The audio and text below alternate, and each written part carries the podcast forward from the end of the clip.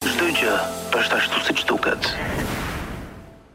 Mirëmbrëma, nga çdo gjë është ashtu siç duket, unë jam Ana Shkreli, ëm ehm, um, dhe ky është epizodi i 6 i sezonit të dytë të podcastit Çdo gjë është ashtu siç duket. Ë uh, përpara se të hyjmë në temë dhe të ritakohemi me një tjetër diskutim interesant që do jetë sigurisht nga lëmi i kulturës, ë uh, edhe tema si temat që trajtojmë zakonisht.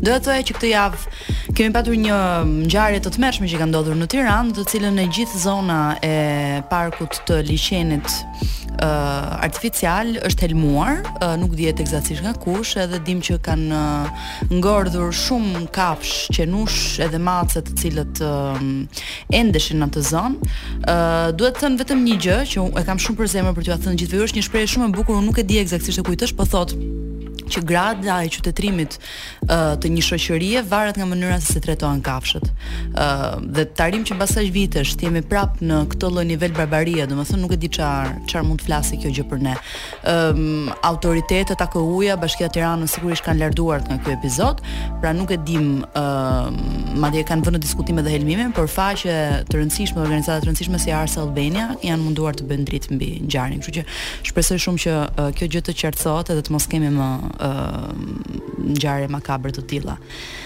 Do thoni ju si do e bësh këtë kalimin nga një ngjarje kaq e tmerrshme dhe e ftuara që kam unë sot. Ëm, ehm, uh, po si fillim përpara se ta prezantoj ndryshe, ë uh, do ta prezantoj si dikush e cila ka 5 mace, 5 apo 4 mace në shtëpi. 4 mace dhe 1 qen. 4 mace dhe 1 qen në shtëpi. Ë, uh, sa ke ke pasur një moment 5? jo, kam menduar që të kem pesë, po për momentin është thjesht një projekt. Nuk e di nëse do ta realizoj. një projekt, një projekt afatgjatë.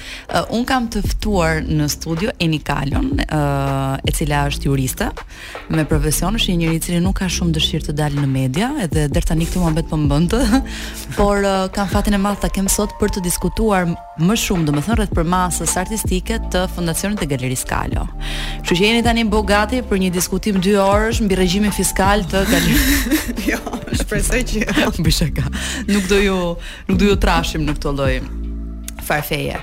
Ëm, um, unë do bëj një prezantim, një një hyrje të shkurtër.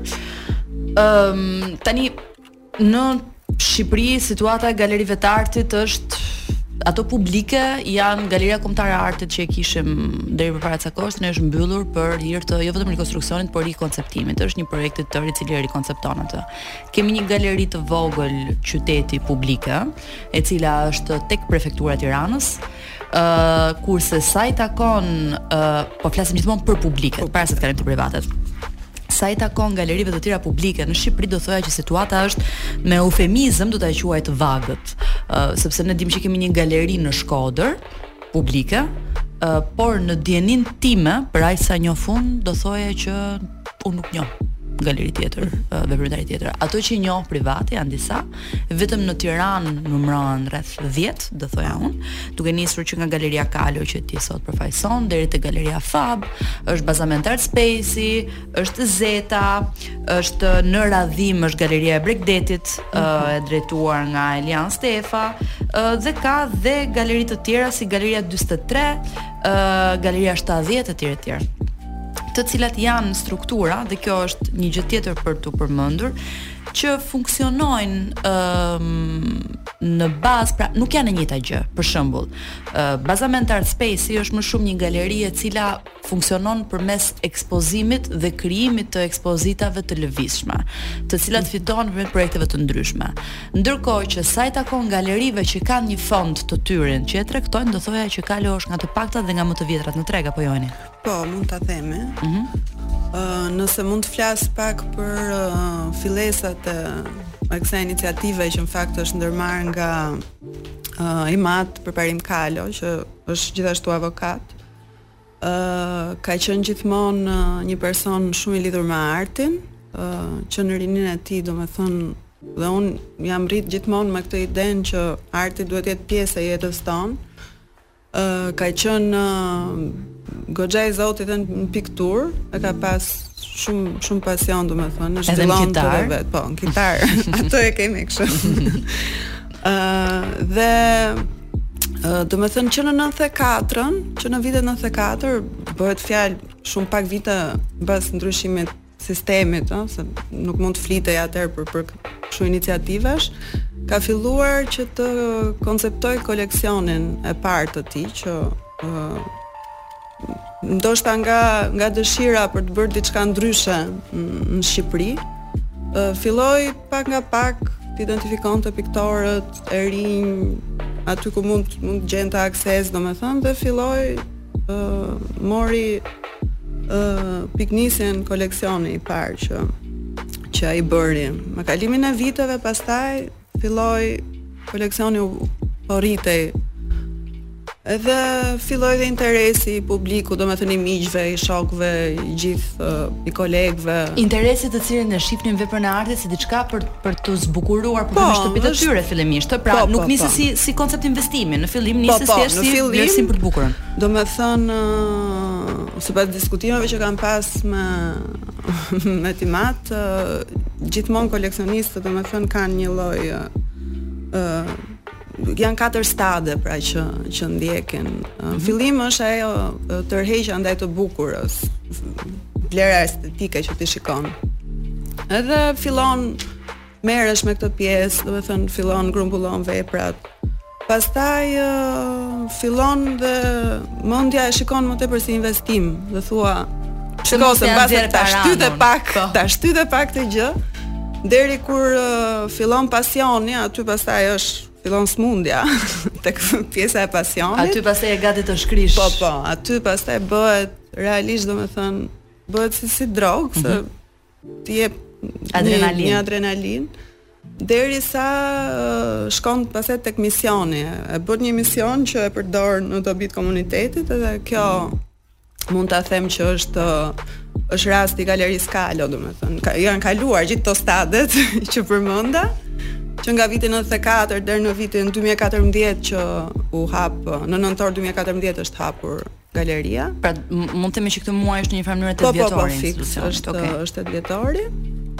Edhe ë uh, është një një nga galeritë, domethënë që është uh, goxha e frekuentuar në Tiranë, edhe për arsye se ë uh, ka goxha lëvizje, bë, bëhen shumë evente për të promovuar piktorët uh, shqiptarë. por dhe të huaj, se ka pas dhe të huaj. Uh, ndërkohë, uh, u, u munduam që ta shtrijmë, domethënë, galerinë e ka fondacioni Kalo, ku je, uh, bëjmë pjesë familja, domethënë fëmijët, dhe ka pasur edhe një lloj investimi tjetër me dy galeri të reja. Do të flasim më vonë, do të po, flasim po. tek edhe mungesa e mbështetjes së po, të tjerëve. Po, po, po. Do bëjmë një gjë ne, do kalojmë pak në publicitet tani dhe pastaj do rikthehemi mm -hmm. sepse jam shumë kurioze të të di si është kjo në art është gjithmonë kjo dikotomia midis ambasadave të huaja që janë ato që blejnë oh. ose që mbështesin dhe pastaj tregut lokal i cili është gjithmonë një gjë, domethënë po. ku thret qameti. Ka një trinom, i cili konsiderohet trinomi i art i promovimit të artistëve, që janë galeritë e artit një, shtëpitë e ankandit dy dhe tre panairët apo bienalet e mëdhaja. Ë, uh, të gjitha këto funksionojnë në një farë mënyre si një sistem i cili krijon një hallkë, që është një hallkë shumë e rëndësishme, e cila është konsiderohet hallka e kërkesë, ofertë vlerësim. Në mënyrë të tillë që kjo hallkë të mbyllet dhe tregu të funksionojë në mënyrë të mirëfilltë duhet të ekzistojnë të gjitha këto institucione. Mirëpo, ne shtëpinë e ankandit sot e kemi akoma një lloj utopie Eni apo jo, domethënë nuk është se kemi institucione të tilla që funksionojnë në këto lloj bazash. Sa i takon bienaleve apo pjesëmarrjeve të ndryshme në Shqipëri, për hir të së vërtetës nuk është se kemi parë bienale të mëdha, më e afërta që na është afruar një herë ka qenë Manifesta që ishte në Prishtinë tani. Po. Ëm kemi thjesht pjesëmarrjen tonë po në Bienalen e Artit, por uh, nuk është diçka e cila shkon dhe ndikon drejtpërdrejt në tregun në tregun uh, vendas. Kështu që hallka më e fortë në gjithë këtë trinom, do thoja unë sa i takon realitetit shqiptar, mbeten vazhdim mbeten galeritë private. Gjithsesi janë të pakta, janë me vështirësi, domethënë, por ka njerëz pasionant që vendosin gjejnë mënyrën t'i mbajnë. Eni më shpjego pak të lutem nismën e këtyre galerive. Ëm, uh, si fillim në këtë dikotomi po thoshim më parë mes Atyre që janë entitete apo trupa të huaj në Shqipëri, a, a kanë ndihmuar ato të paktën në në inicimin e kësaj kulture të blerjes, investimit në art etj etj? Cila ka qenë qasja po. dhe si janë njohur me këtë?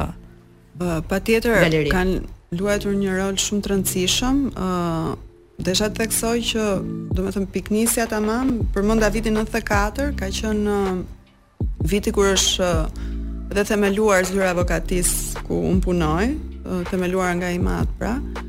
ë klientela ka qenë kryesisht e huaj dhe kam përshtypjen që kanë ndihmuar shumë këto shkëmbimet me këta klientë që vinin nga një botë perëndimore, ne kemi qenë shumë brapa sepse ishin vitet 94 praktikisht dhe uh, mendoj që kanë lozur një rol shumë të rëndësishëm për uh, formësimin e kësaj ideje që babai im ka pasur për të të investuar në art, domethënë. Domethënë ata kur vinin për të marrë për shembull konsulencë ligjore, po, uh, ata shikonin uh, veprat e ekspozuara në muret e zyrës. Që do të thotë ju dhe zyrën ligjore po. e përdornit në një farë mënyrë si një mini ekspozim. Përdorin për shumë vite sepse mm -hmm ka lindur dhe si një një nevojë duke u rritur koleksioni dhe pjesa e magazinimit të veprave ishte një problem, kështu që detyrimisht do gjendeshin disa hapësira për t'i ekspozuar veprat.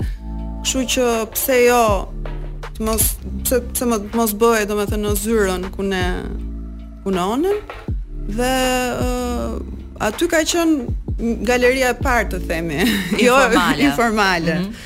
Dhe uh, kjo gjë vazhdon akoma dhe sot. Pra, klientët kur vijnë, domethënë gjithmonë marrin këshillimin ligjor, pastaj bëjnë dhe një tur të ambienteve për të parë veprat që janë ekspozuar aty. Po kjo është një gjë e bukur, sepse do të thotë që ata kanë mundësinë të po, njihen me artist, me po, artist shqiptar. Ndërkohë marrin dhe informacionin që uh, ekzistonte Galeria Kalo dhe shumë prej tyre drejtohen tek eventet që ne organizojmë Kështu që shërben domethën edhe galeria promovon edhe zyrën edhe zyra e promovon galerinë, kështu po, që furnizon njëra tjetrën. Është ë uh, Eni unë di që ekziston një model në të cilin praktikisht uh, atëre galeritë bazohen në dy modele. Modeli i parë është ai i shitjes, sepse mban mhm. një përqindje, njëlloj si agjentët.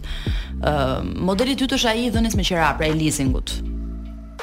Tani uh, Galeria Kalo i ka të dyja uh, këto uh, ti, ti po flet për për leasingun e veprave për tek në për, për biznese në për biznese po, të ndryshme, po, të cilat uh, vendosin mbase të mos investojnë, do flasim po, edhe pse po, nuk po, investojnë, po.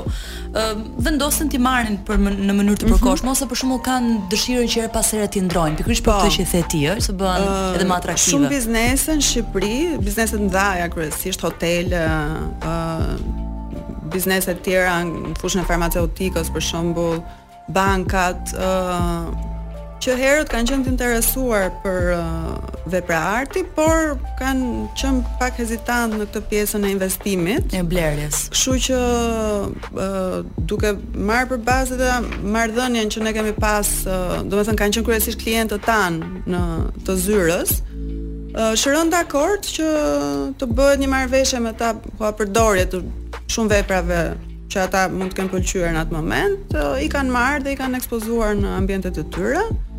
ë pa ndonjë kundërshpërblim financiar, po thjesht, domethënë, edhe ne kemi përdorur si magazinim ato ambientet e tyre dhe ata kanë përfituar për të pas duke pasur vepra në në e kuptoj. Po kjo në një farë mënyrë mund të ndikojë edhe për të promovuar artistët po, vetë, sepse sa më shumë ekspozim, aq më shumë patjetër sepse aq më shumë vizibilitet.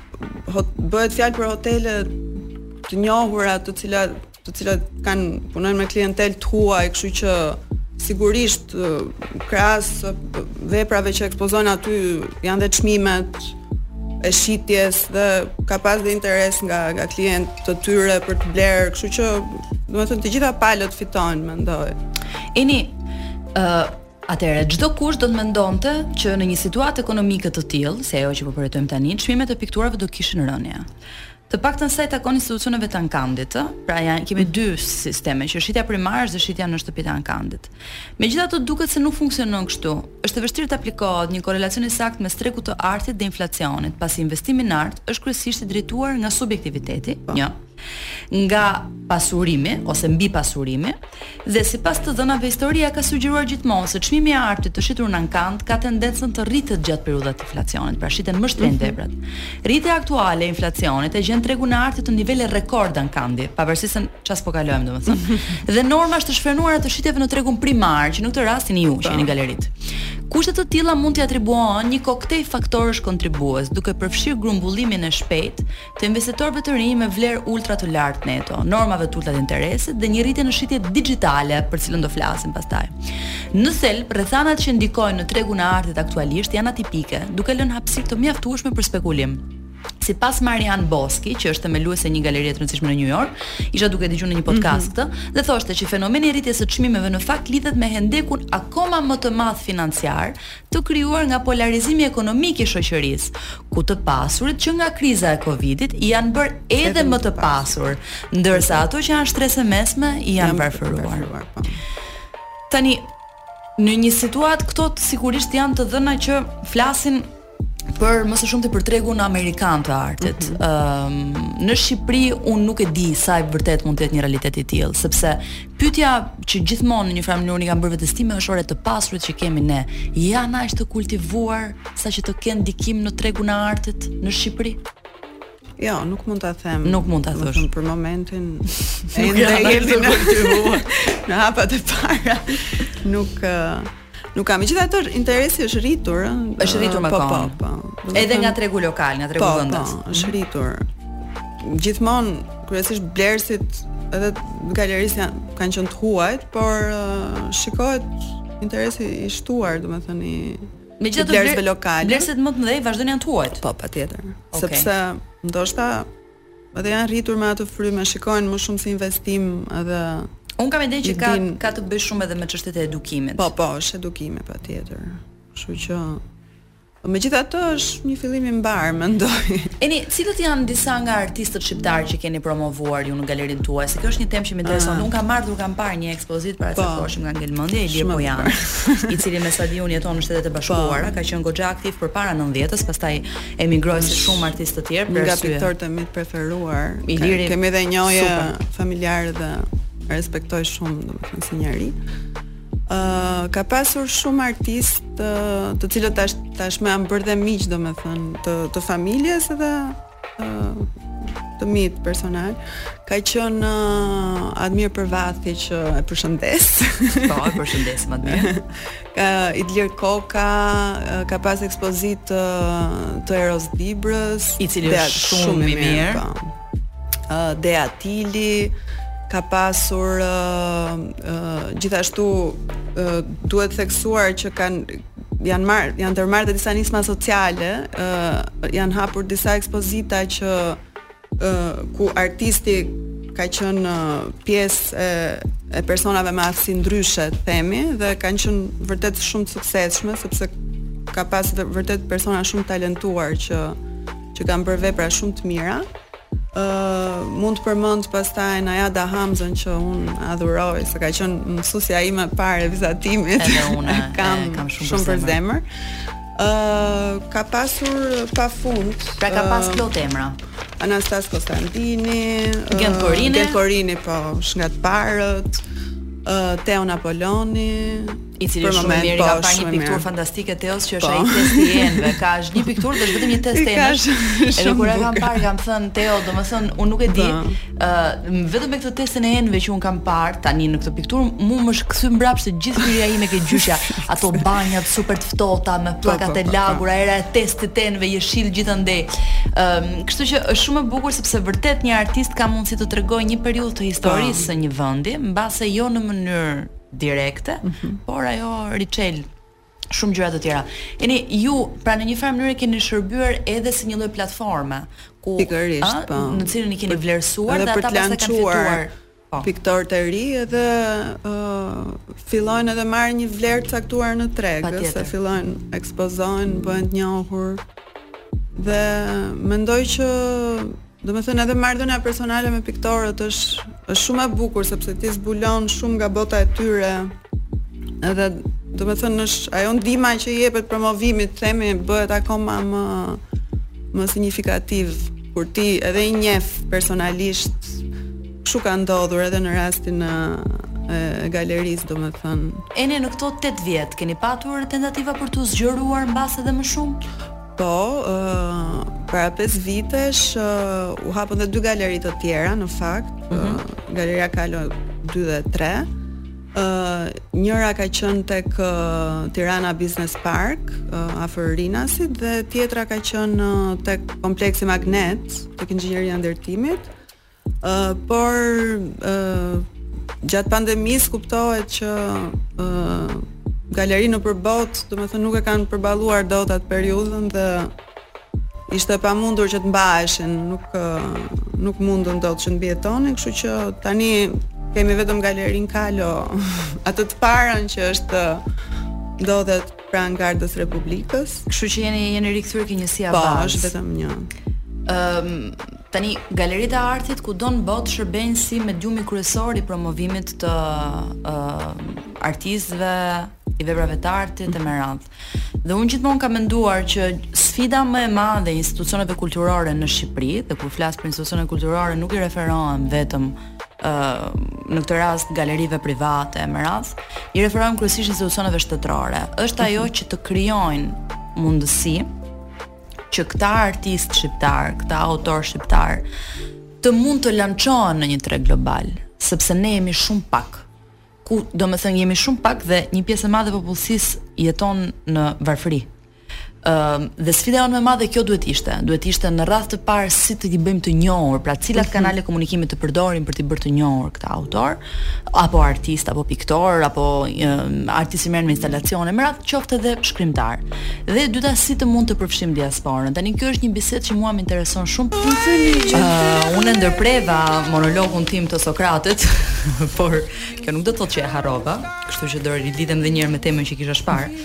Uh, po flisnim për tregun tonë, që është një treg artistiko-kulturor shumë i vogël dhe shumë i kufizuar dhe unë nuk do rresht kurrë së ngulurit këmbë që nëse ka një mënyrë që ne ta bëjmë të funksionojë këtë treg është për t'u hapur drejt botës, për t'u hapur drejt diasporës, të cilët janë shumë më shumë jashtë se ç'jemi ne brenda. Kjo është për shembull një një informacion që është interesant.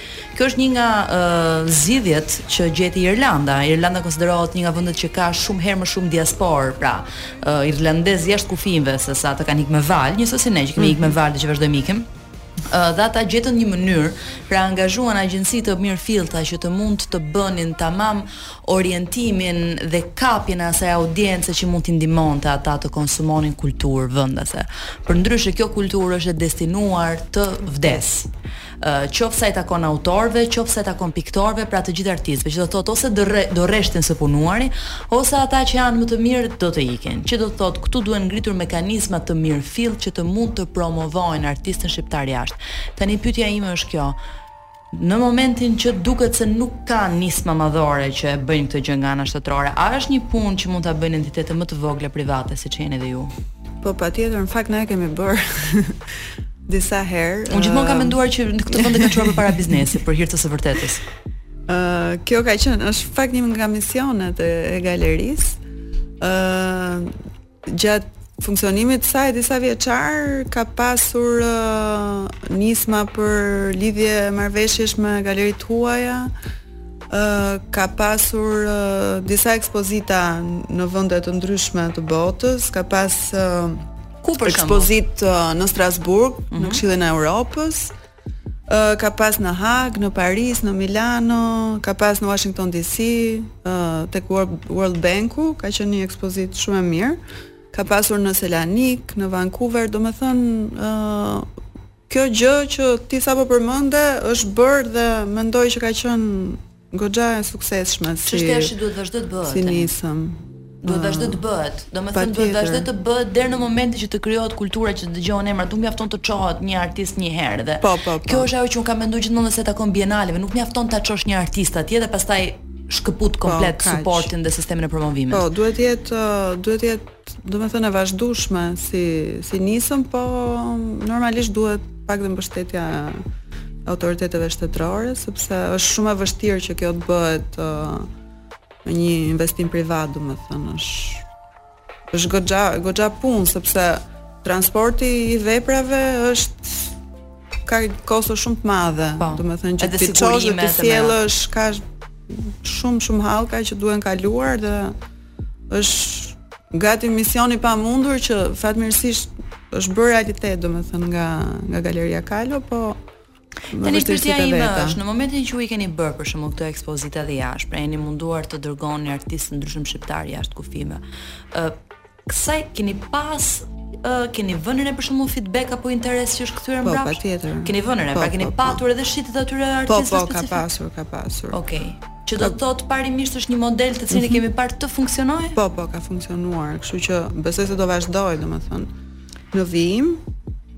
Edhe ë uh, shumë artistë të rinj që kanë kanë qenë pjesë e këtyre ekspozitave, kanë uh, kanë uh, parë domethënë një një rritje të madhe të të vlerës së veprave të tyre për falë edhe blerjeve që kanë ndodhur në nga blerësit e huaj në një treg tjetër. Është në një treg tjetër.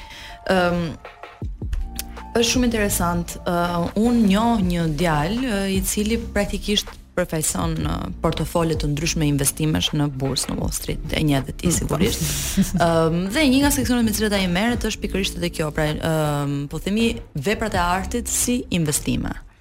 Ëm um, dhe këtë verë ishim duke folur bashkë dhe tha një nga ëndrrat se ok, tash për ta thënë kështu për ta kthyer pak në nivel humoristik. Tha ok, në rregull, unë jam duke bë lek, jam duke bë pare, më kupton, por ideja është që një njeri i cili vjen nga Shqipëria, që shkon jeton në Arrin prek në një farë mënyre atë që shumë njerëz mund ta konsiderojnë ëndrrën amerikane. Ëm um, ideja është një njeri kthen kokën pas dhe thotë, "Ok, unë jam duke bërë këtë gjë për veten time, po a jam duke ndihmuar njeri mbrapa meje?" Ëm um, në momentin që unë i kam ngjitur vetë këto shkallë. Edhe po më thoshte që një nga ëndrrat e mia përveç këtyre gjërave që me të cilat merrem, ai merret me piktorë shumë të rëndësishëm, me fonde si Basquiat, Picasso, Kusama etj etj. Ëm um, tha do ishte pikërisht kjo, pra ndihmesa, ndihma e ofruar ndaj artistëve pamorë të ndryshëm shqiptarë. Dhe po më thoshte që ku të gjej orientim ëm mbase për të gjetur pra ato lloje artistësh të cilët janë të vlerësuar në një mënyrë të tillë nga një sy specifik që ata mund të mund të thotë diçka dhe për një treg ndërkombëtar. Mm -hmm. Dhe ajo që më duk shumë interesante ishte që po më thoshte që ne kemi patur pjesë për shembull të galerive me të cilat bashkëpunojmë në New York, artistë shqiptarë që kanë ardhur ke ne nëpërmjet promovimit politik. Pra, po them kot unë, një kryeministër, filan fistek, nuk ka rëndësi, ai që ka qenë përpara, ky që është tani nuk ka rëndësi fare. Ë vendos të ndihmojë një person, një, person, një mik të po. vetin artist dhe praktikisht e fut në të gjithë atë hallkën e madhe të ingranazhit. Mhm. Çështja është kur ata shkojnë andej një pjesë shumë e madhe e kanë shumë të vështirë që të kuotohen në treg. Tani ti me të drejtë do bësh atë që është kundërpërgjigjja, pra avokati i djallit, do më thua se një artist nuk matet vetëm me sasinë e, e veprave që shet apo sa vlerë ka në treg. Po fakti është që në një Në botën në të cilën jetojmë që çdo gjë ka tendencën të monetarizohet, edhe kjo pjesë është e rëndësishme. Sa e shkëputur, sa të shkëputur e sheh ti Eni promovimin kulturor të artistëve specifikë nga politika dhe që në fakt me ata që janë të promovuar nga ente siç janë galeritë, që në fakt kështu do të po. funksiononte. Ëh, Piktorët që janë promovuar nga Galeria Kalo, domethënë ne kemi qenë shumë shkëputur nga politika dhe mendoj që është shumë e drejtë sepse unë mendoj që artistët duhet të jenë gjithmonë të shkëputur nga politika sepse janë shpirtra të lirë dhe nuk mund të merren peng nga asnjë forcë politike. Ë mendoj që ata ata që janë promovuar jashtë, domethënë kanë pas vlera reale dhe kanë ë janë parë dhe ndoshta me sy me syrin e kritikëve të huaj, të cilët kanë eksperiencë shumë më të gjerë se mm -hmm. se ne këtu në Shqipëri. Edhe mendoj që ë uh, domethënë ka qenë merita e tyre Kanë qenë vitet e lodhshme që janë kaluar në në Shqipëri me kushtet që Shqipëria ofron edhe me tregun shumë të vështirë që ka për veprat e artit. Edhe edhe në nivel infrastrukturor, ne për shembull jemi nuk kemi hapësira të ndryshme siç janë studiot e artistëve. Unë gjithmonë Patjetër, ka qenë- kam vrarë mendjen që këta ëm, për shembull piktorë të rinj, të cilët formohen në Akademinë e Arteve Shumë e vështirë. ku e kanë infrastrukturën në të cilën të punojnë, ë? domethënë Ëm ti ke kryeqytete të tëra të botës që kanë kuartiere, lagje të tëra, ë, të cilat i dedikohen këtyre hapësirave, pra studiove të artistëve që ata kanë mundësi t'i marrin nëpërmjet shumë mënyrave, karta studenti, pagesa Pikërisht. qira fare të vogla, pra ne nuk kemi një infrastrukturë që dhe t'i ndihmojë deri në hallkën që do vijnë deri ke galeria. Dhe megjithatë talentet janë aq të mëdha saqë i kanë anashkaluar gjithë këto pengesat që Ti sa po përmende, edhe jam shumë e lumtur që, domethënë janë, tashmë emra që janë janë vërtet të, të pozicionuar shumë mirë në në në botën e artit, uh, artistët që ne kemi promovuar. Edhe që kanë, kanë kaluar dhe nga ju. Mm, që kanë. Ëm mua më thonë sërish që duhet të kalojmë në publicitet, po qesh tani. Ë po do rikthehemi prapë sërish për të fol për cilat janë sfidat, se kjo është shumë interesante, mënyra se si praktikisht jemi duke kaluar në një model tjetër të galerive, e cila është shpesh një model dixhital. Ë dhe pyetja e madhe është çfarë do të thotë, do të thotë vdekja apo transformim? Është e njëjta bisedë, mhm. i njëjti muhabet që bëhet edhe për librin, domethënë, kështu që jemi mësuar tash me këtë histori. Ëm në epokën ku jetojmë, ë e cila më duket sikur është përshpejtuar shumë më shumë se çdo epokë që ka ekzistuar më parë, më duket sikur këtu mjafton për 5 vjet ndron çdo gjë, ndërkohë që kemi ndërkohë që historia e botës ka njohur mijëvjeçarë, ku praktikisht nuk ndodhte asgjë. Më pas e kështu i thonë. Ëm um, galeritë e artit sot përjetojnë situata të vështira që lidhen me krizat globale të viteve të fundit, por sidomos me zhvillimin e teknologjisë së komunikimit dhe fuqizimin e rrjeteve sociale që u japin akses të pakufizuar artistëve për të ekspozuar punët e tyre Drejtpërdrejt, pa nevojën e galerive.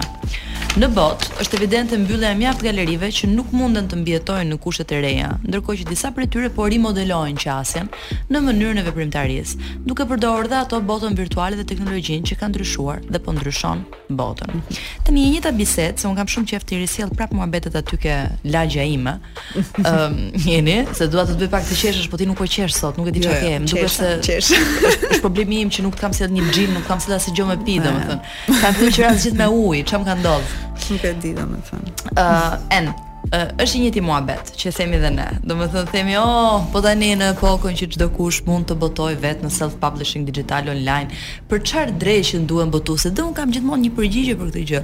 Përgjigja ime është që ok, po nga ana tjetër gjithë ky sistem i madh, ky rrjet, ky um, the world wide net që është krijuar, ka kaq shumë informacion sa që njeriu e ka shumë të vështirë të orientohet në atë që është vërtet e kultivuar dhe e një cilësie të lartë dhe e studiuar dhe do të thotë diçka.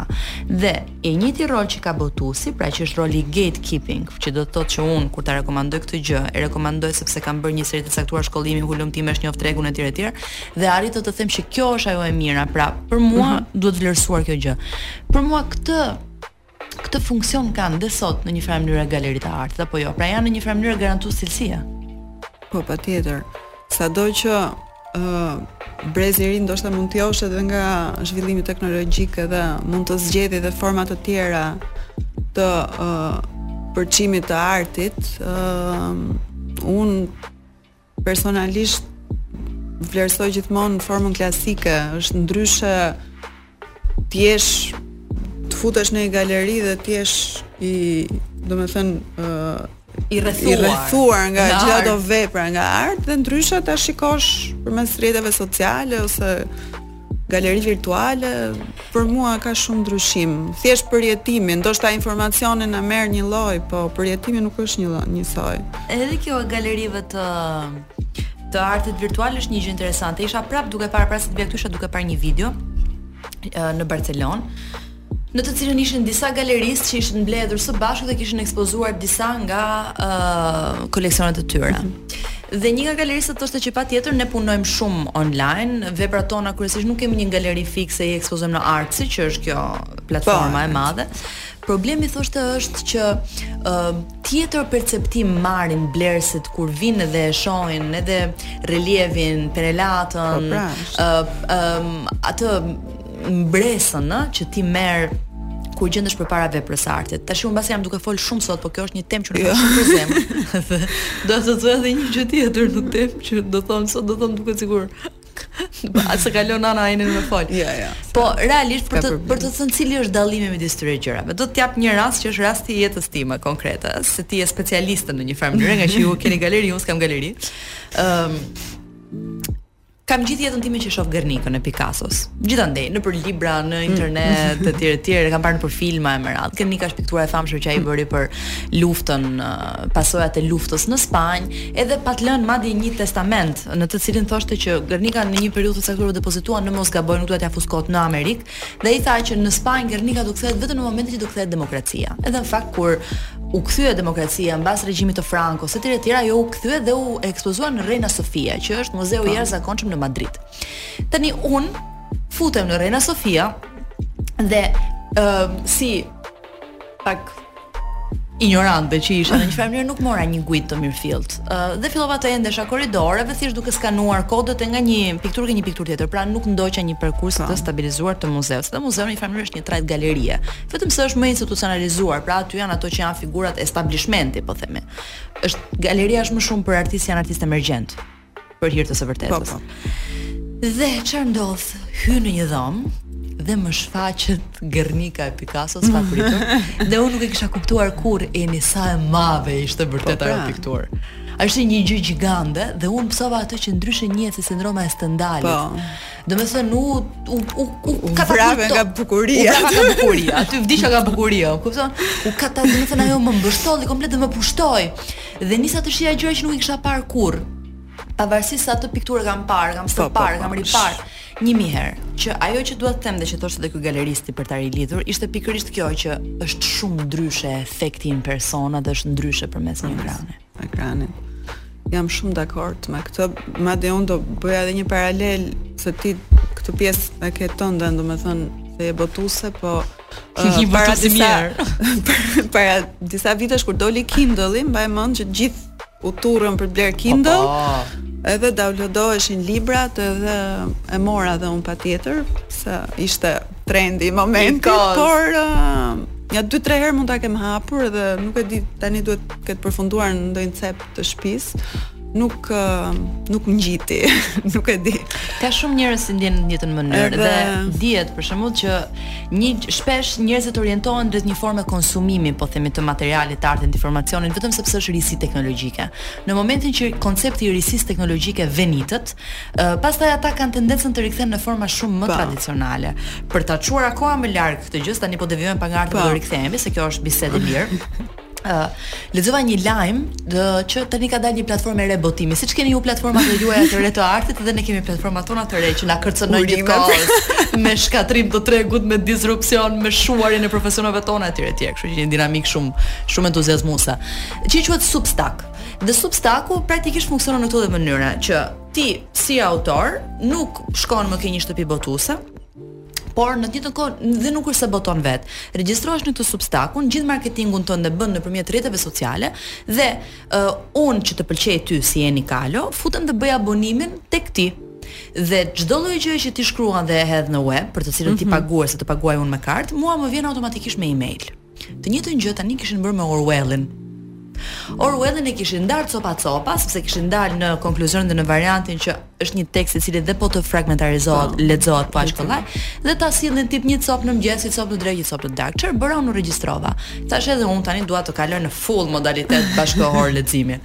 Dhe po çfarë më ndodhi? Më ndodhi që më vinin këto emailet dhe unë i lija me teorinë që ose do t'i lexoj pastaj dhe m'u bënë kaq kapicë sa që më iku komplet dëshira për ta lexuar atë gjë.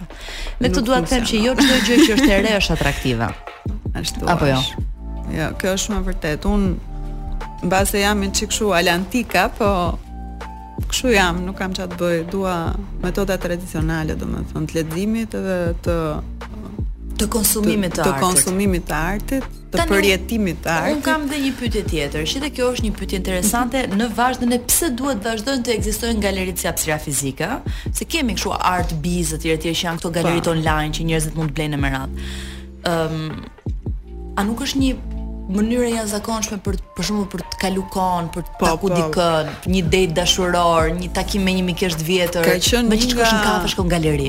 Një nga misionet e, e galerisë Kalo në fakt ka qenë për të pasuruar pak ato pasditet kryeqytetase me pak uh, kulturë, uh, ti mund të shkosh dhe të kalosh disa momente, mund të takosh njerëz që mund të jenë të fushës, mund të jenë jo të fushës, profesionistë, artistë, të konsumosh një bisedë shumë interesante për shembull që nuk të qëllon që ta bësh për ditë.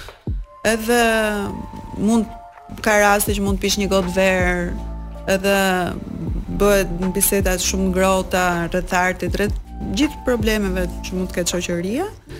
ë uh, është metodë shumë e mirë, domethënë për t'u larguar nga rutina edhe ndoshta edhe për të orientuar brezat e rinj drejt uh, drejt të bukurës dhe drejt drejt artit pse jo, mos të kalohen mas ditët kështu nëpër kafe dhe edhe kjo është një gjë shumë e rëndësishme si një alternativë. Po, edhe këtu njerëzit e kanë vetë në dorë, ëh, ta bëjnë këtë gjë. Sepse unë kam jam shkolluar në Francë, domethënë shkollën e lartë e kam bërë në Francë dhe Ishte jeta, kishte shumë variacion, kuptohet se në Strasburg kam qenë, po ishte, domethënë, kishim shumë gjëra për të bërë, ekspozita, opera, lloj-lloj gjërash. Edhe në Shqipëri, realisht kur vendosa që të kthehem, domethënë, ai muaj i parë m'u duk kështu si ishte si muaj mjaltit, po pastaj filloi rutina dhe e kupton që në fakt nuk është se ofron shumë Tirana për si entertainment, domethënë. Kështu që kjo mënyra ka qenë një mendoj një një ngrohje e, e pasditeve.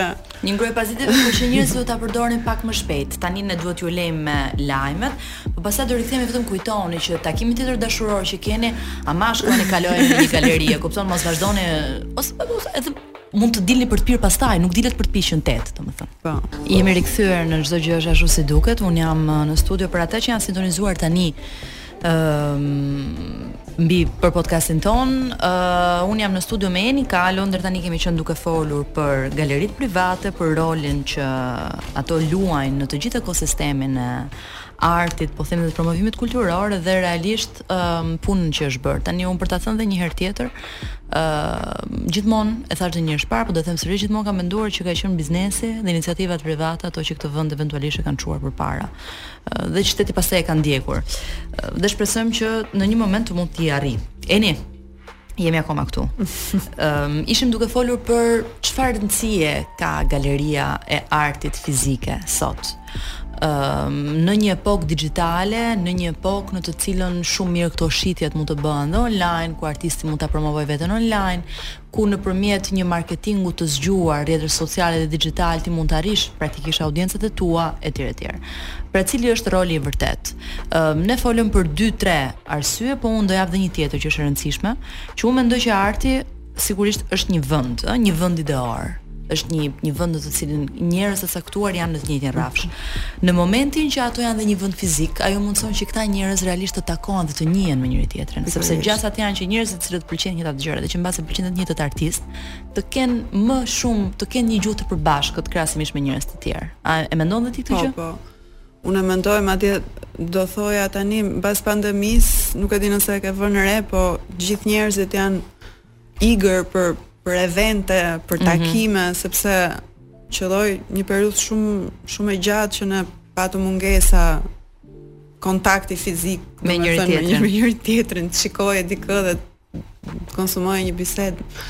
Ë uh, kjo gjë ndodhi edhe me me eventet që organizonte galeria, sepse uh, u munduam ta mbanim uh, gjallë duke organizuar evente online me artdashësit dhe me gjithë uh, këtë uh, elitën, domethënë që është ndjekse e eventeve të galerisë.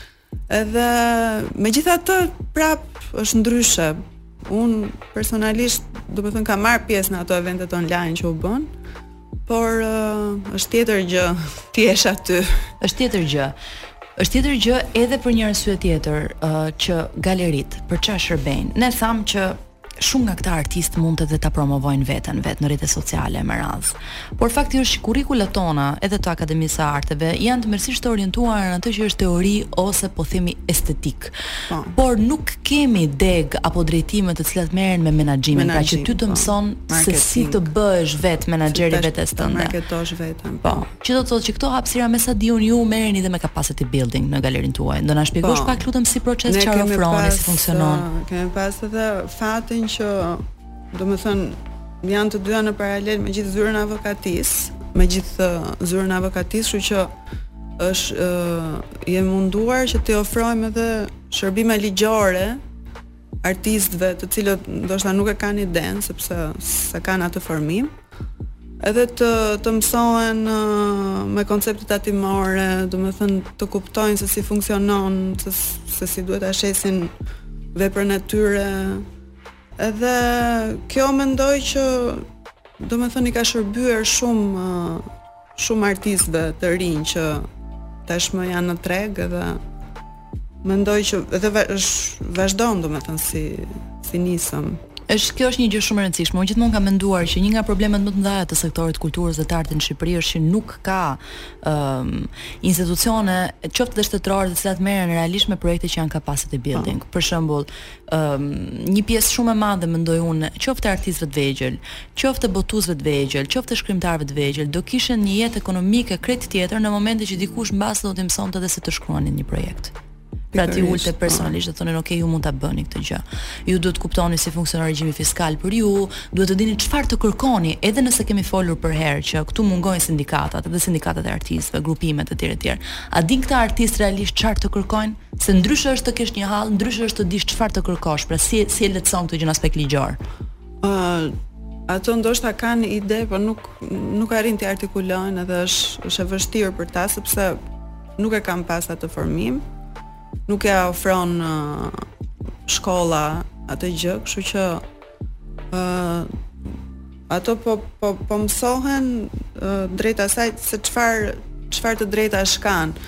Unë uh, si specialitet uh, mbuloj pronësinë intelektuale dhe jam takuar me shumë artistë gjatë uh, viteve të mia në zyrë. Realisht nuk kanë pas idenë se çfarë të drejtash i jep ligji, domethënë dhe sa të fuqishëm që janë. Nuk e dinë. Edhe ë ndoshta nuk kanë dhe faj sepse është domethënë është një, një regjim që pak e njohin, ti patjetër që e njeh se je në atë fushë, po unë jam hasur domethënë me artistë që nuk, nuk e dinin që mund të përfitonin, domethënë në bazë të, të atyre që ofron ligji. Kështu që në një farë mënyre u kuptua dhe një fenomen tjetër. Pra, tre seksione të ndryshme që duam trim këtu triptiku që përkufizon çdo gjë. Ëm ehm, um, që arsyeja tjetër të dashur miq dhe dëgjues e e nevojës së ekzistencës së një galerie fizike është sepse herë pas here këto struktura bëhen pikërisht si pole agregacioni ku njerëzit duke u takuar kanë mundësi të bëhen bashkë dhe kur them të bëhen bashkë nuk flas vetëm për dinamika miqësimi, flas edhe për t'u bërë bashkë në sensin e krijimit të një mase kritike, që nesër bën presion edhe organeve po. publike për t'ia lehtësuar jetën. Ne kemi parë që artistët kanë janë kanë rënë përmbys duke kërkuar statusin e artistit gjatë kufizimeve të pandemisë etj etj. Pra ata kanë nevojë për vende në të cilat të bëhen katalizatorë. Apo jo, Oni? Po, po, është shumë e vërtetë. Edhe uh, realisht domethënë, ka pas raste që janë mbledhur dhe kanë kërkuar të drejtat e tyre, kanë kërkuar uh, siç ka qenë rasti uh, i ligjit të ri për drejtën e autorit, domethënë, kanë lobuar goxha për marrë më shumë gjëra se se ç'i ofroi atë periudhë. Po, uh, uh, Ini, folëm për uh, galeritë digjitale, uh, unë do të thoja që uh, ne kemi kaluar se fund e fundit ishim duke folur me dikë, thoshte art pamor. Edhe unë në një moment me një këndvështrim shumë të ngushtë thash, po mirë, ja për shembull blen dikush një video instalacion dhe tani ku do ta vej atë video instalacionin, tha Moana, ne po flasim për një epokë në cilën kanë shpërthyer edhe NFT-t. Po. të cilat janë vepra arti digjitale, të cilat ju mund t'i po, varni në shtëpit tuaja të metaversit. dhe një pjesë e madhe e shtëpive të modës për shembull janë duke investuar në NFT, në NFT. Çështja është që ato janë një rrjet komplet tjetër, pjesa më e madhe tyre blehen me cryptocurrency, mm. pra me monedha Kripto nuk dihet akoma realisht, domethënë cili do jetë fati i tyre mbas dhjetë vitësh, se ne dimë që një vepër arti fizike me kohën vetëm po. sa valorizohet. Nuk e dimë ç'do ndodhë me këto po. pjesë digjitale, sikurse por ajo që dimë është që shpesh konsiderohen dhe një mënyrë shumë e mirë për të pastruar para, që është një temë cilës do rikthehemi, vetëm ju lutem qëndroni me ne dhe ritakohemi. Ke tregu digjital i veprave të artit ndaluam gjer tani, ë dhe ja bëm kokën një kokën njerëzve ja bëm tallash sot me këtë muhabet, por është shumë interesant që të dinë edhe aspekte të tjera që janë mbase për masën aspekte më seksi të veprave të artit. Tani njerëzit kështu gjërash duan. Njerëzit duan ose seks ose kriminal, kështu kriminalizim domethënë që ti, celibate që shet. Kështu që ne do fusim një një seksion të vogël që është i shitshëm në këtë podcast i cili kriminaliteti në kriminaliteti po në këtë podcast kaq kulturor sa që shpesh është kaq i pra. pashitshëm. Ëm um, duam të hyjmë tek fakti që veprat e artit janë shpesh janë identifikuar dhe ndonjëherë dhe romantizuar me këto po, masat po. Bonnie and Clyde, Diabolik etj etj si mënyrë ideale për të pastruar para. Po. Ëh, dhe këtu sigurisht që në gjithë arsyetim që është bërë ka një fije logjike, sepse bota e artit është e populluar nga individë të cilët duan të blejnë art të shtrenjtë në mënyrë anonime. Ëh, që është diçka të cilën industria në fakt e lejon. Po. Ëm, Ndaj, për ata që kërkojnë të pastrojnë para, është vështirë është vështirë të gjendet sektor që të jetë më tërheqës. Një rast i njohur, për shembull që doja ta sillja mm -hmm. vëmendje, është që në fillim të viteve 2010, kur qeveria meksikane miratoi një ligj specifik për të kërkuar më shumë informacion rreth blerësve dhe mbi paratë e shpenzuara për një vepër të vetme arti, ndodhi diçka shumë interesante. Tregu u kris dhe shitjet ranë me 70% më pak se një viti më parë. Shumë besonin se kjo ishte pikërisht për shkak se unazat apo kartelet meksikane kishin qenë më parë nga blerësit më të mëdhenj në treg. Po. Ë kjo është e vërtet, domethënë është një mënyrë shumë e mirë për uh, pastrim parash sepse duhet theksuar që arti nuk ka çmime referencë, kështu që është shumë e thjeshtë që Një vepër e blerë shumë lirë nesër të shitet shumë shtrenjt. Mm -hmm. Nuk ka ndonjë ent rregullator që të të po, merret me këtë. Del njëri thotë kjo më po. ngjall po. nostalgjinë për gjyshen time dhe do ta po, blej. Do ta blej 500 euro. Pse jo? Që është është kjo mënyra. Pastaj Edhe evazioni është i lehtë nëse këto vepra depozitohen në, në portet e lira që janë në Gjenevë, në Gjenevë, në Luksemburg. Po. Ngjajnë si si galeri të mirëfillta, në fakt nuk janë, nuk duken fare si magazina, por uh, aty në regjim tranzit tranziti ato mund të rrinë pafundësisht, edhe mund të rishiten aty disa herë, kështu që Kjo është shumë interesant që the ti, ti e the folëse specialiste. Unë doja do ta ndjek këtë, do ta shoqëroj publikun në terma më konkretë. Pra, si mund pastrohen paratë në botën e artit? Unë kam bërë një perkurs të vogël, më thuaj ku gaboj, okay? Ta bëjmë kështu, ja një çik tani. Le të supozojmë se dikush ka 10 milion dollarë në dorë. Po. Ai mund të blejë një Picasso në një ankand, të themi, në Gjenevë. Mm -hmm. Dhe ta transferojë menjëherë pikturën në Freeport, që në Gjenevë po. janë shumë, është po. një nga më të mëdha. Ose në një hapësirë magazinimi të sigurisë së lartë pranë aeroportit, mm -hmm. ku kryesisht gjenden si hapësira. Po. Piktura më pas mund të shitet në mënyrë anonime. Pra, ajo që e mundëson gjithë këtë proces është anonimati, pa lëvizur fare nga vendruajtja, dhe blerësi i ri do ta merrte atë nga e njëjta zonë e lirë për ta depozituar në të mhm. njëjtën zonë të lirë.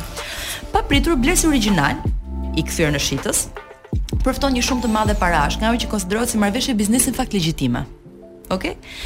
Isha duke lexuar të dhëna që dëshmonin që The Economist vlerësoi që në Freeportin e Gjenevës stokohet art amerikan i një vlere prej rreth 100 miliard dollarësh në një hapësirë që funksionon gjithashtu si parajsë fiskale.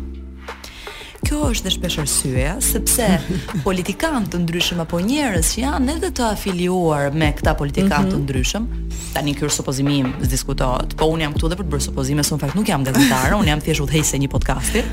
Ëm ehm, um, kanë papritur proliferojnë fondacione po, të ndryshme arti që shfaqen në horizont dhe janë shumë aktive dhe pastaj mbas ca vitesh mbyllen transformohen etj etj, sepse pikërisht për atë që the ti. Një, për subjektivitetin që qëndron në vlerësimin e çmimit, që folëm më përpara, domethënë mm -hmm. uh, kërke, uh, ka... kërkesë ofertë vlerësim, rregullator. Nuk ka rregullator, pra nuk ka çmim reference. Mm -hmm. E dyta, sepse i gjithë ky proces është një proces shumë i mbrojtur nga anonimati dhe nga parajsat fiskale që janë dhe vendruajtja apo depozitime. Mm -hmm. Kështu që të gjithë ju që keni ndërmend ta bëni këtë gjë, hidhini, mendoni një sy këtyre teknikave. të diabolik. Se përveç se uh, Ke këto avantazhet, del edhe si një një person shumë i kultivuar që merresh me art, kështu që pa parë, domethënë është forma më interesante e kriminalitetit. Po po. përfiton edhe sharm dhe përfiton edhe para. Fiks. Hmm? Vetëm se po të kapën të qapën, siç e thon ndryshe. Eni. Ëm um, ne sigurisht bëm një ë uh, ishte shaka. Një nuk ishte dhe aq shaka, sepse këto janë forma që ekzistojnë edhe një pjesë shumë e madhe e njerëzve investon në art edhe pikërisht për këtë arsye. Ëm mhm. um, megjithatë kur po thonim që çmimet e ankandave dhe të shitjeve primare nuk kanë rënë, kjo ndodh edhe për shkak një për këtë arsye. Mm -hmm. sepse ka shumë para të pista që qarkullon vërdallë, e dyta dhe kjo është shumë interesante dhe sepse së fundi kemi interesim shumë të madh edhe të territoreve siç janë për shembull Emiratet e Bashkuara etj etj që kanë filluar dhe janë interesuar shumë për blerje arti. Le të themi që në vitet e fundit ne kemi parë jo vetëm hapjen e një Luvri të dytë, me arkitekturë të jashtëzakonshme të Zhan, Zhan Nuvelit etj etj, por ata janë duke hapur dhe një Guggenheim muze, muzeum po, tjetër, po, po. që do të thotë kemi gjithë këtë seksionin e një pasurimi shumë të madh që po orientohet uh, nga veprat e artit. Dhe tani ne jemi duke bërë këtë bisedë shumë globale, po do ishte, siç e thamë dhe në fillim, shumë e udhës që të gjente një mënyrë shteti jonë ë uh, për të promovuar artistët sepse në një treg global, sepse Gjuha e penelatës apo e video artit nuk është e lidhur me nacionalitet, pra i thyen të gjitha kufinjtë. Po, po patjetër. Nuk duhet mbetet siç e the një iniciativë private, edhe pse kjo deri tani është realizuar më së miri nga galeria jonë, por duhet ndërhyjë dhe shteti sepse është praktikisht e pamundur që që të të realizohet misioni ashtu siç duhet. Më së miri. Ë uh, nga njëra anë kam menduar gjithmonë që edhe për artistët pamorë është më e thjeshtë se sa autorët për shembull që kanë po. nevojë të kalojnë një proces tjetër që është një proces përkthimi etj etj. Megjithatë nuk po i hyjmë uh, kësaj dinamike. Eni doja të dija, uh, ju galeritë e artit, pra, mm -hmm. uh, sa takon kuadrit parashikimit ligjor, po. njiheni si entitet më vete? Ë uh, nuk ka ndonjë kuadër ligjor specifik për galeritë e artit, ato funksionojnë sipas ligjit për uh, organizatat jofitimprurëse sepse kështu regjistrohen si organizata jofitimprurëse, për shembull Fondacioni Kalo është Organizatë jofitimprurëse. Është fondacion. Edhe nuk, domethënë nuk i nuk zbatohet ndonjë ligj specifik për galeri, nuk nuk ka ligj specifik. Ë uh, ka një ligj për uh, artin dhe kulturën, për veprat e artit. Ë uh, aty parashikohet që galeritë private, domethënë ka një parashikim për galeritë private që uh, duhet të jenë të regjistruar në Qendrën Kombëtare të Artit dhe Kulturës, në mënyrë që dhe të përfitojnë uh, të bëhen pjesë e projekteve të ndryshme nga shteti. Ëh, uh, por kaq Domethënë, nuk ka... mundësia për t'u bërë pjesë e projekteve të ndryshme është një mundësi shumë e mirë, por siç e kemi thënë gjithmonë, ajo është ta mbash në një farë mënyrë tregun me bombul oksigjeni. Po, po. dhe ajo që kemi vënë re me kalimin e viteve në Shqipëri në gjithë këto vite tranzicion, ka qenë që në fakt, Përqendrimi i entiteteve artistike drejt projekteve shtetërore vetëm sa e ka centralizuar artin dhe kulturën duke e vënë shpesh në funksion të politikës. Që thotë më e mira do kishte qenë që të gjejmë një mënyrë që këtë gjë ta bëjmë sustainable, ta bëjmë të qëndrueshme po. vetë sepse nuk mund, domethënë, ok, mund të mund të marrësh, mund të subvencionohesh në disa raste, po nuk është e mjaftueshme. Duhet një mekanizëm rregullues që ta çojë përpara. Ta çojë përpara edhe që të fillojë të eci vet pastaj, po për momentin. E, sa i takon sa i takon lehtësive fiskale. ë uh, njohin këto entitete lehtësi fiskale në uh, menaxhimin, tregtimin e artit? Uh, normalisht uh, patjetër që bizneset në qoftë se uh, blejnë vepra arti, uh, këto mund të konsiderohen si shpenzime të zbritshme, por jo Ndryshe nga ç'mund të konsiderohen mobiljet e, e zyrës. Shpenzime të zbritshme deri në masën deri në masën 5% apo jo? Po. Okay. Kështu që nuk është se ka ndonjë uh, specifik që prek vetëm veprat e artit. Trajtohen si ornamente, si si mobilje të themin. Megjithatë artistë të ndryshëm, për shembull Genc uh, Përmeti, i cili mm -hmm. është edhe kineast, në një intervistë të vetën pikërisht një nga gjërat që ai çoi përpara dhe që u mundua të shprehte, tha që kudo në botë bankat apo mhm. shoqëritë e sigurimeve apo kompanitë e mëdha kanë një fond të caktuar për artin, për të cilin janë të përjashtuar nga sistemi i tatimeve. Edhe rajoni thotë e ofron një incentiv të tillë që duket se mungon vetëm në Shqipëri. Kjo jo vetëm do të përkrahte artin, por do të jepte frymë të re të gjithë fondit kulturor. sepse sponsorizimi i një aktiviteti nuk është njëlloj si pasja e një fondi të dedikuar për këtë punë, që i ndihmon edhe artistët të çojnë përpara të prodhojnë më shumë. Jo, kjo do të ishte vërtet, domethënë do ndihmonte ë të gjithë komunitetin sepse do shikoheshin që do do rritej interesi, do krijoheshin galeri të reja, Është çdo gjë domethënë do ishte do ishte ndryshe nëse do kishte një incentiv nga shteti për për uh, krijimin e e veprave për krijimin e koleksioneve dhe të galerive, kështu që shpresojmë që të bëhet. Ka pas diskutime në fakt, po Çka ka ndodhur? Mbetemi me shpresë që që një ditë do aktualizohen. Do. Megjithatë, kemi patur përveç tentativave, kemi dhe një ligj të 2016-s apo jo. Po, ky është uh, ligji për drejtën e autorit, uh, i cili mori realisht disa vite për të, domethënë është ligj i ri Tani funksionojmë me këtë ligj, përpara ka qenë një ligj tjetër. Edhe ky erdhi, domethënë në kuadrin e harmonizimit të me acquis communautaire, mm -hmm. pra me, me direktivën e BE-së, dhe ideja është që uh, aty pati disa ndryshime, uh, në lidhje me artet pamore, domethënë, pati disa ndryshime nga ligji i vjetër, Uh, aty është, i është njohur uh, artistëve e drejta e rishitjes, që do të thotë që një vepër uh, të cilën artisti ia shet një blerësi, ai blerës uh, nëse e rishet atë vepër, uh, një përqindje uh, i shkon artistit, ose trashëgimtarëve të tij. Kështu që kjo është një e drejtë uh, shtesë që ato e përfituan me ligjin e ri, Edhe nuk ka qenë më përpara, nuk njihej. Në në frëngjisht njihet si Droit de Suite kjo. Edhe kjo, domethënë, nuk është, nuk mund të, nuk mund të heqin dorë artistët nga kjo, sepse është një e drejtë morale që e kanë. Uh, megjithatë galeritë, Tek për galeritë, në qoftë se shet galeria kjo nuk nuk zbatohet. Kështu që të gjitha palët mendoj që kanë interes. Pra, edhe autor këto artistët marrin kompensimin e tyre, por nëse ti shet si si një galeri, nuk nuk të zbatohet. Pra ato nuk marrin nga ty. E kuptova. Si galeri. Pra sigurisht janë me me threshold-e, varet sipas vlerës së së veprës.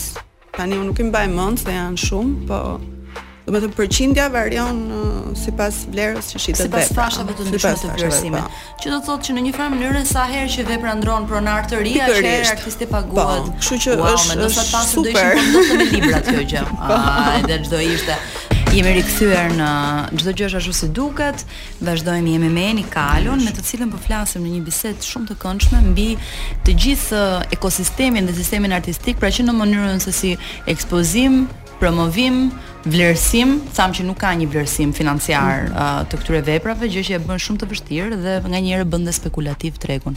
Eni ju keni gjithë vite eksperiencë, ka nisur po thonim si një projekt pasioni.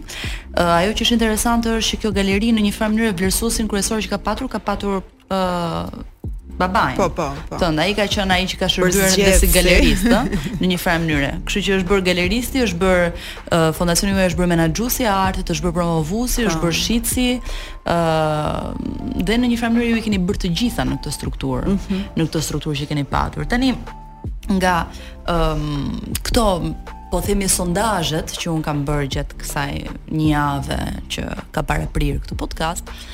Ëm um, nuk diskutohet që gjithmonë çmimet e ë uh, po themi piktorëve apo artistëve rriten në momentin që ata vdesin, po. pra në momentin që ata ndrojnë jetë. Në fakt fatkeqësisht, fatkeqësisht. Dhe kjo është është e trisht sepse ëm um, sigurisht pastaj e drejta e autorit për presupozon që këto të ardhurat të shkojnë familjarëve etj etj që është dhe ky është një diskurs shumë i madh sepse flitet gjithmonë që ok deri te fëmijët në rregull po tani ç'lidhje kanë që përfitojnë të ardhurat dhe nipat ose njerëz që nuk e kanë njohur në fakt artistin kështu që ky është një mhm. diskurs tjetër po. po.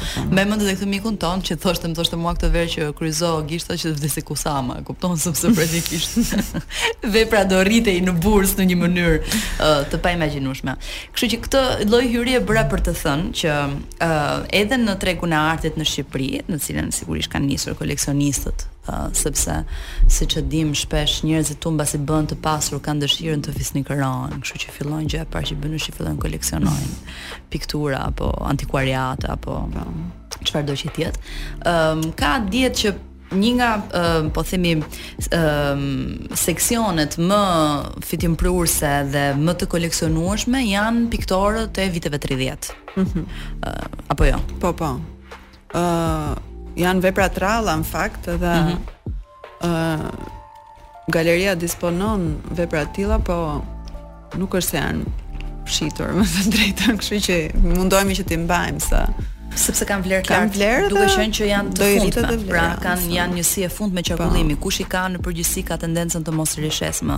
Që do të thotë ato që kanë ngelur janë të pakta në numër ose janë vepra minore, si të themi dhe skica etj etj. Po, kështu që ë shitjet fokusohen kryesisht ke piktorët bashkëkohorë, domethënë që janë uh, gjithë ata që unë përmenda më parë, uh, ata janë uh, target kryesisht nga uh, nga komuniteti i huaj që vijnë, që vizitojnë galerinë, Eros Dibra ka qenë shumë i pëlqyer për shembull nga klientë të ndryshëm të zyrës tonë, uh, ambasadorë e tjerë, ka qenë Pervathi, ka pas edhe Napoleoni di që ka pasur, domethënë, disa kërkesa në në drejtim të tij.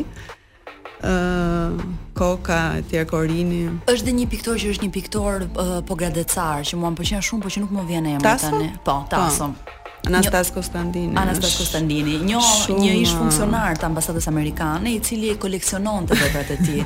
dhe tashmë që iku i ka marrë të gjitha me vete, dhe kjo gjë është shumë interesante sepse mbase edhe këta njerëz të cilët qarkullojnë në trupa diplomatike mm -hmm. që që qarkullojnë në për vende të ndryshme të botës, sepse siç e dimë ata shkojnë me mision nga njëra anë në anën tjetër.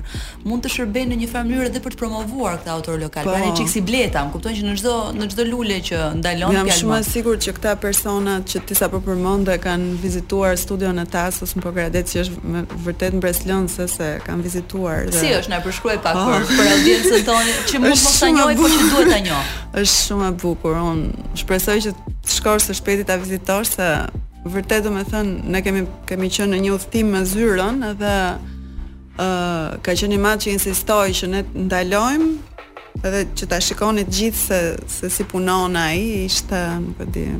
E kam në mendje tani atë. Morëm dhe disa tablo, domethënë kur ikëm.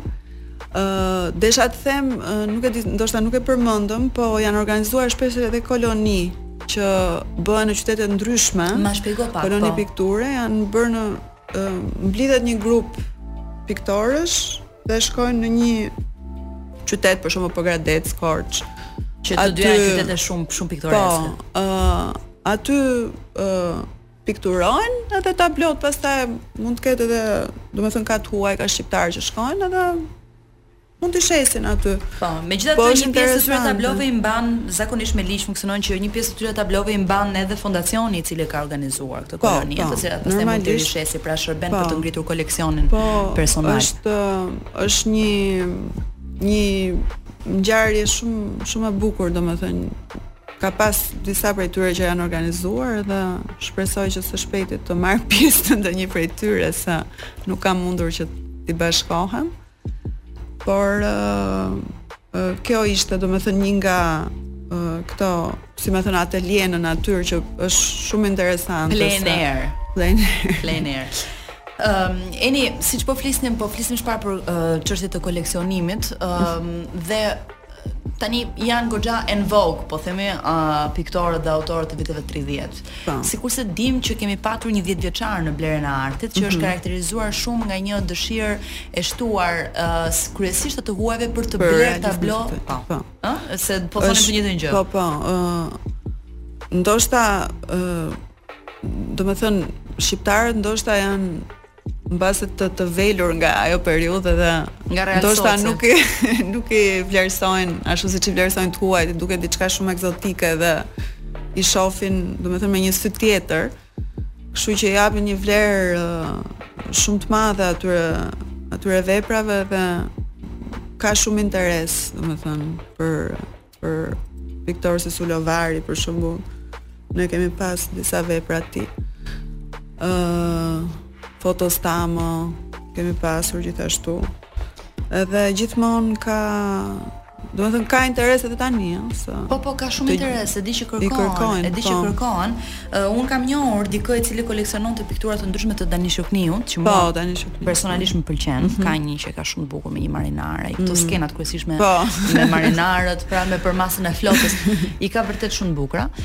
Ëm um, edhe në një moment mua më kishte ardhur në të vëndës me realizmin socialist sepse më ka ardhur në të vëndës me, me, nga letërsia me realizmin po. socialist që është një gjë o zot domethënë çdo gjë kthehet në Si u kalit çeliku e Ostrovskit ashtu duket sikur është edhe piktura Por përpos kësaj, ai që ishte dashamirës dhe sigurisht njohës më i mirë sesa unë i realsocit në pikturë, po më thoshte që është shumë interesant sepse në çdo vend që shkon dhe me realsocin në këtë vend mm -hmm. kryesisht atyre që janë po. vende të bllokut lindor, ë të gjitha kanë trajta të tyre të të, të ndryshme. Mm -hmm. për shembull, pavioni i Ermitazhit i realizmit socialist është një gjë e jashtëzakonshme sepse ai është realizmi socialist i Bashkimit Sovjetik, domethënë që është një është diçka komplet tjetër, lind nga një humus komplet tjetër dhe shkon drejt një rruge krejt tjetër. Kurse ne me të gjitha këto kalimet, disbalancat që kemi patur një herë prishja me Jugosllavinë, pastaj prishja me Bashkimin po. Sovjetik, pastaj miqësia me Kinën, pastaj prishja me Kinën e me radhë, në një farë mënyre këto gjëra janë pasqyruar edhe vetë në në mënyrën se si është identifikuar dhe si pastaj është përcjellë edhe realsoci në pikturë. Kështu që duket sikur për të gjithë ata koleksionistë që janë koleksionistë ndërkombëtarë, blerja e këtyre copave mbyll një pjesë që është një pjesë e po, po, historisë po. së së pikturës. Edhe di që tashmë janë të rralla në treg, pjesa më e madhe ka ikur. Janë të rralla edhe janë vlerësohen shumë shumë lart, domethënë, kështu që Kështu që shumë shpejt të dashur miq do të nisi dhe ajo që është falsifikimi i realsocit, deri tani nuk e kemi parë këtë falsifikim. Jo. Ja, Dim që falsifikimi përbën një një share, një pjesë shumë të madhe të tregut të artit global, mm -hmm. për shembull, duke lexuar një artikull shumë të bukur, që më pëlqeu, më pëlqeu shumë Financial Times, që tregon se si ka një dy tre fshatra në Kinë, të cilët jetojnë vetëm me këtë gjë. Pra merren vetëm me falsifikim veprash arti. Edhe shumë shpejt në Shqipëri në fakt ka hyrë si gjë. Unë di nga njerëz të cilët e kanë ngrënë sapunin për djathë që qarkullojnë shumë vepra fallco të Ibrahim Kodrës. Po. Është nga të paktët uh, piktorë shqiptarë që është thellësisht i falsifikuar dhe i kontrabanduar. Ë uh, dhe her pas here dalin vepra që nuk dihej që ekzistonin, në fakt janë të gjitha rikrijime postume po. të njerëzve që kanë qenë edhe vetë studentë të Kodrës. Mm -hmm. Kjo histori e falsifikimit të Kodrës për mua është një nga ato histori që po ta merrte një narrator i mirë mund ta kthente edhe në një film Hollywoodi, domethënë, sepse um, ka pasur dhe disputa shumë të mëdha me familjen. Familja vetë ka po. akuzuar njerëz që po. kanë vjedhur piktura në Milano. Në fakt, kjo që sapo the është përbën pak edhe një një lloj spekulimi se uh, trashëgimtarët ndoshta për të përvetësuar një vepër që mund ta ketë një koleksionist ose një një artdashës ë uh, pretendojnë që ajo vepër është e falsifikuar dhe uh, ndërkohë ajo është një vepër origjinale, por Duke qenë që ata nuk e kanë më në në trashëgiminë e tyre, tentojnë që ta ta shesin si, falsi, si, si të falsifikuar, pra, dhe t'ia ulin vlerën dhe koleksionisti praktikisht të ngelet pa gjë sepse Po, megjithatë tashmë janë të vërtetueshme, sepse janë arrien, të vërtetueshme patjetër se çdo gjë për shkak çdo çdo vepër që ne kemi në galeri është me certifikatë firmosur nga Nga autori ose nga trashëgimtarët në rastin. Megjithatë shpesh kjo histori e kontrabandimit është një histori interesante, ë sepse ti më kujtove mua një rast, që është një rast në fakt shumë i famshëm, i një pikture që është një një pikturë e Basquiatit, ë Jean Michel mhm. Basquiat, ë mm -hmm. ishte një pikturë, ë piktura e Hannibalit, e cila është vlerësuar diku te 8 milion dollarë dhe vepra ka hyrë kontraband në SHBA nga një pastrues lekësh brazilian, ish bankier. ëm i cili në të gjithë procedurat e transportit të futjes nga Holanda e kishte deklaruar që vlente njëqind dollarë. Dhe një nga diskurset më të mëdha ka qenë që është kontrabandë apo nuk është kontrabandë sepse nganjëherë për ata që janë uh, artistë po themi bashkëkohorë, mm -hmm. mbase për artistë si Caravaggio e me radhë është më e thjeshtë sepse bëhen edhe uh, teste kimike e me radhë. Për artistë po. bashkëkohorë është më e vështirë të kapësh, të kapësh atë që është uh, kontrabandë, kontrabandë edhe falsifikim. Po. Mirëmbrëma të dashur miq, kemi hyrë në seksionin e fundit të podcastit Asgjë s'është ashtu si duket, kemi trajtuar një temë shumë të gjatë dhe shumë të gjerë, që është shumë interesante që nga mënyra se si ë uh, um, po themi veprat e artit shihen si investim, ë uh, deri tek um, pastrimi i parave që ndodh mbrapa tyre arti në një epokë digjitale tregtimi, sidomos arti në një epokë digjitale dhe rëndësia që galeritë fizike kanë si vende, jo vetëm si vend takimi, por dhe si vend zhvillimi i aftësish të ndryshme profesionale të cilat mungojnë në formimin po themi akademik të këtyre artistëve. Diçka që doja ta thoja të cilën nuk e thashë në fillim fare kur isha duke trajtuar çështjen e e inflacionit që nuk ndikon në çmimin e veprës së artit dhe se si e, të pasurit vetëm sa janë pasuruar dhe shtresa mesatare ka ardhur duke u zhdukur mbas gjithë këtyre po themi fatkeqësive që kanë rënë që nga Covidi deri tek lufta sigurisht në Ukrainë. Mm -hmm. Ishte diçka që kjo galeriste amerikane, Eni, që mua më pëlqeu shumë, ë uh, ajo në një farë mënyrë thoshte që ë uh, konceptimi i artit vetëm si vlerë në investim, në një farë mënyrë është duke e vrarë ë uh, tregun e artit, sepse çfarë ndodh? Këta njerëz të cilët pasurohen kanë tendencën që vetë nëpërmjet cirkuiteve të tyre ta arrisin ta ngrejnë uh, vlerën e një artisti. Mirëpo, në momentin që që veprat e para të një artisti shpjegon ajo shiten në një vlerë shumë të madhe, ka shumë gjasa që artisti më pas rezulton një flluskë, gjë që bën që të bjerë drastikisht vlera e tij më mbrapa në treg. Prapë njerëzit kanë tendencën të mos e kuptojnë këtë gjë, sepse duke qenë që ato përfshihen në një sistem burse, ë është shumë e thjeshtë të ndodhin gjëra të tilla. Dhe kjo mhm. është një gjë që në fakt në fund fare Mund të mos vrasi dhe aq atë që e tregton në bursë galeristin, në masat sesa vret artistin, i cili e gjen veten në një devaluim, po themi shumë të po. frikshëm në harkun e në harkun e pakove. Po psikologjikisht është shumë e rëndë mendoj për artistët edhe e cënon edhe krimtarinë e ardhshme që që ai mund të ketë në këtë rast që që sapo përmende. Eni keni patur raste artistësh të cilët nuk kanë arritur të shesin ose kanë shitur shumë pak dhe si e keni përballuar këtë, nëse keni patur momentin e e, e traumës apo depresionit artistik? Ë, uh, patjetër që ka pasur se emrat që përfaqëson galeria janë shumë janë janë të shumtë në numër, po. themi. Por uh, gjithmonë edhe nëse Për shembull, një ekspozitë e një piktori të caktuar, të themi nuk ka ecur aq mirë në termat e shitjes.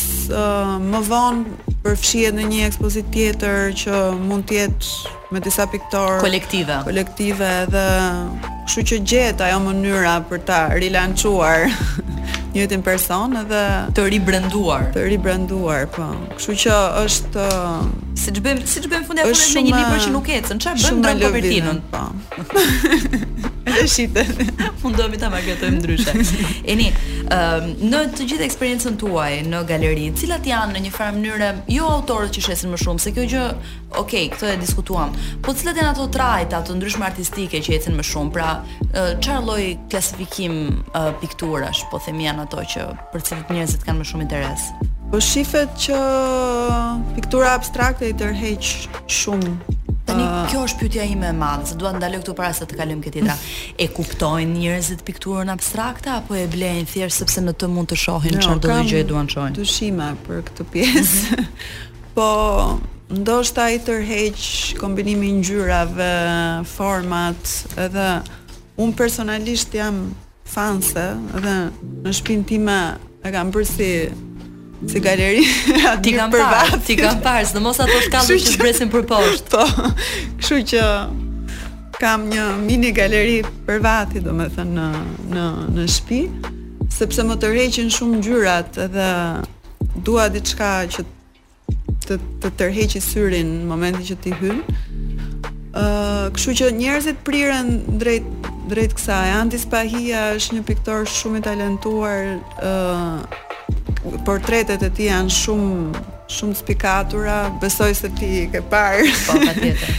Edhe uh, ai është shumë i pëlqyer, domethënë shumë i shitur. ë uh, Idlir Koka shumë interesant, Luan Boriçi ka, domethënë emra pa fund. Teon që e përmendëm po. Napoleonin. Pra mund të themi që janë janë shqiptarët më të përqendruar tek uh, arti abstrakt dhe tek portretet në vetvete si zhanre? Po, mund ta them. Domethënë me me sa kam parë, uh, interesohen shumë. Portreti jep një një kolpo direkte që ndoshta Domethënë kur ballafaqohesh të të, të thith në në atë vorbullën e vet. Ilir Pojani punon, ka punuar po shumë me portrete. Është hmm? e që i ka shumë të bukura. Super, po. I ka shumë të bukura. Ëm në një është shumë interesant sepse në një intervistë uh, që ka dhënë uh, piktori Rakip Shabani, mm -hmm. të cilin unë gjithashtu e vlerësoj. Një nga shqetësimet e veta është që Galeria Kombëtare e Arteve nuk blen më vepra, siç ka pas bler dikur. Uh, dhe të gjitha këto vepra në një farë mënyrë edhe që bëjnë piktorët janë duke shkuar jashtë pra tregtohen jashtë. Ëm, um, ky është një problem shumë i madh mendoj unë që është fakti që institucionet në përgjithësi kanë fond zero për të mhm. blerë uh, vepra të reja. Siç mund ta dish, ë ose mbase nuk e di, ë biblioteka kombëtare e Shqipërisë uh, parashikon një ligj në të cilin të gjithë botuesit janë të detyruar të depozitojnë pesë kopje të librave të tyre, pa, por në fakt pa, nuk parashikon asnjë lloj fondi për të blerë libra të ri, pra fondi është zero. E njëjta gjë ndodh me bibliotekat e lagjeve, të cilat Në një farë mënyre sa herë që ka fushata të ndryshme, ë um, thirren botuesit për të dhuruar libra etj etj. Duket se e njëjta situatë ndodh edhe sa takon artit. Botuesit ndihmojnë bibliotekën kombëtare dhe bibliotekat. Ndërkohë që duhet të jetë ishte e kundërta. Po. Në vend që të ishte e kundërta. E njëjta gjë duket se ndodh edhe me institucionet e artit pamor. Domethënë, ë këto galeri ë nuk kanë më para në dispozicion për të pasuruar fondin e tyre. Që në një farë mënyre ky fond që kanë është fondi që tregon edhe historinë zhvillimore të mhm. artit në Shqipëri. Pra është e rëndësishme që ato të kenë, jo çdo gjë mund të degdiset jashtë apo në shtëpiat personale të njerëzve. Domethënë hiqet dorë nga një pjesë e trashëgimisë kulturore është, domethënë shumë dhe këtë gjë ta marrësh për keq. Dhe këtë gjë ta marrësh për të mirëqenë. Kështu që si puna asaj që the pak më parë, domethënë nuk mundet ta çojë vetëm biznesi përpara artin, duhet që të jenë edhe struktura shtetërore që të të ndihmojnë sepse artistët kanë nevojë për mbështetje, kështu që Jo vetëm artistët, artistët kanë nevojë për mbështetje dhe strukturat që i promovojnë kanë nevojë për po, mbështetje, pra gjëja më e mirë do ishte realisht krijimi i një ekosistemi siç e kemi mhm. thënë deri po. tani, që të ishte një ekosistem sa më i shëndetshëm. Është një rast të cilin unë sjell përherë sa herë që që flasim uh, për këto çështje kur uh, kam vizituar galerinë e arteve të uh, Tel Avivit në Jeruzalem, një nga gjërat që ka bërë përshtypje pavarësisht se unë kam probleme ideologjike me atë vend, por kjo është një tjetër histori. Ëm um, një nga gjërat që më ka bërë përshtypje është që galeria e arteve e Izraelit është e Tel Avivit, më fal. Është e organizuar në bazë të dhomave uh, që mbajnë emrat e familjarëve të ndryshëm. Pra, familje të rëndësishme uh, hebre, po themi, të mhm. cilat kanë kontribuar, po kanë kontribuar duke lënë uh, koleksionet e tyre në këtë galeri. Pse? Sepse gjithmonë uh, qëllimi dhe synimi përfundimtar i artit duhet të jetë ai që është arti për edukim. Jo arti për uh, thjesht për zbukurim të hapësirave private të njerëzve e me radhë. Tani në një botë të lirë dhe në një në një ekonomi tregu, sigurisht që çdo njeri mund të koleksionojë art dhe sa më shumë koleksionon, aq më mirë bën sepse i jep një dorë artistëve. Mm -hmm. Por shteti nga ana tjetër duhet të provojë ta kundërbalancojë këtë lloj gjëje. Kur e them këtë, nuk kam parasysh rastin e uh, Republikës Franceze që mbas revolucionit ia sekuestroi aristokracisë gjërat për të krijuar Luvrin, pavarësisht se ai sot është një nga nga institucionet më të dashura, sepse ata thanë që ju uh, të poshtër nuk mund të zbukuroni po. muret tuaja se arti është për edukim publik. Por kjo në një farë mënyre, në një farë mase vazhdon të mbetet e vërtetë. Edhe unë do doja shumë që ta mbyllja këtë gjë mm -hmm. me mhm. këtë lloj note të rëndësishme, që jemi në dy situata të ndryshme. Situata e parë është ajo kur artistët janë duke shitur veprat jashtë dhe praktikisht kemi një draining. Mm -hmm. Situata e dytë është ajo në të cilën mbijetojnë me projekte. Ëm uh, sigurisht që duan hartuar politika edhe politika fiskale, po, po dhe politika të tjera që të shkojnë të ndihmojnë të gjithë zinxhirin, pra jo vetëm artistin.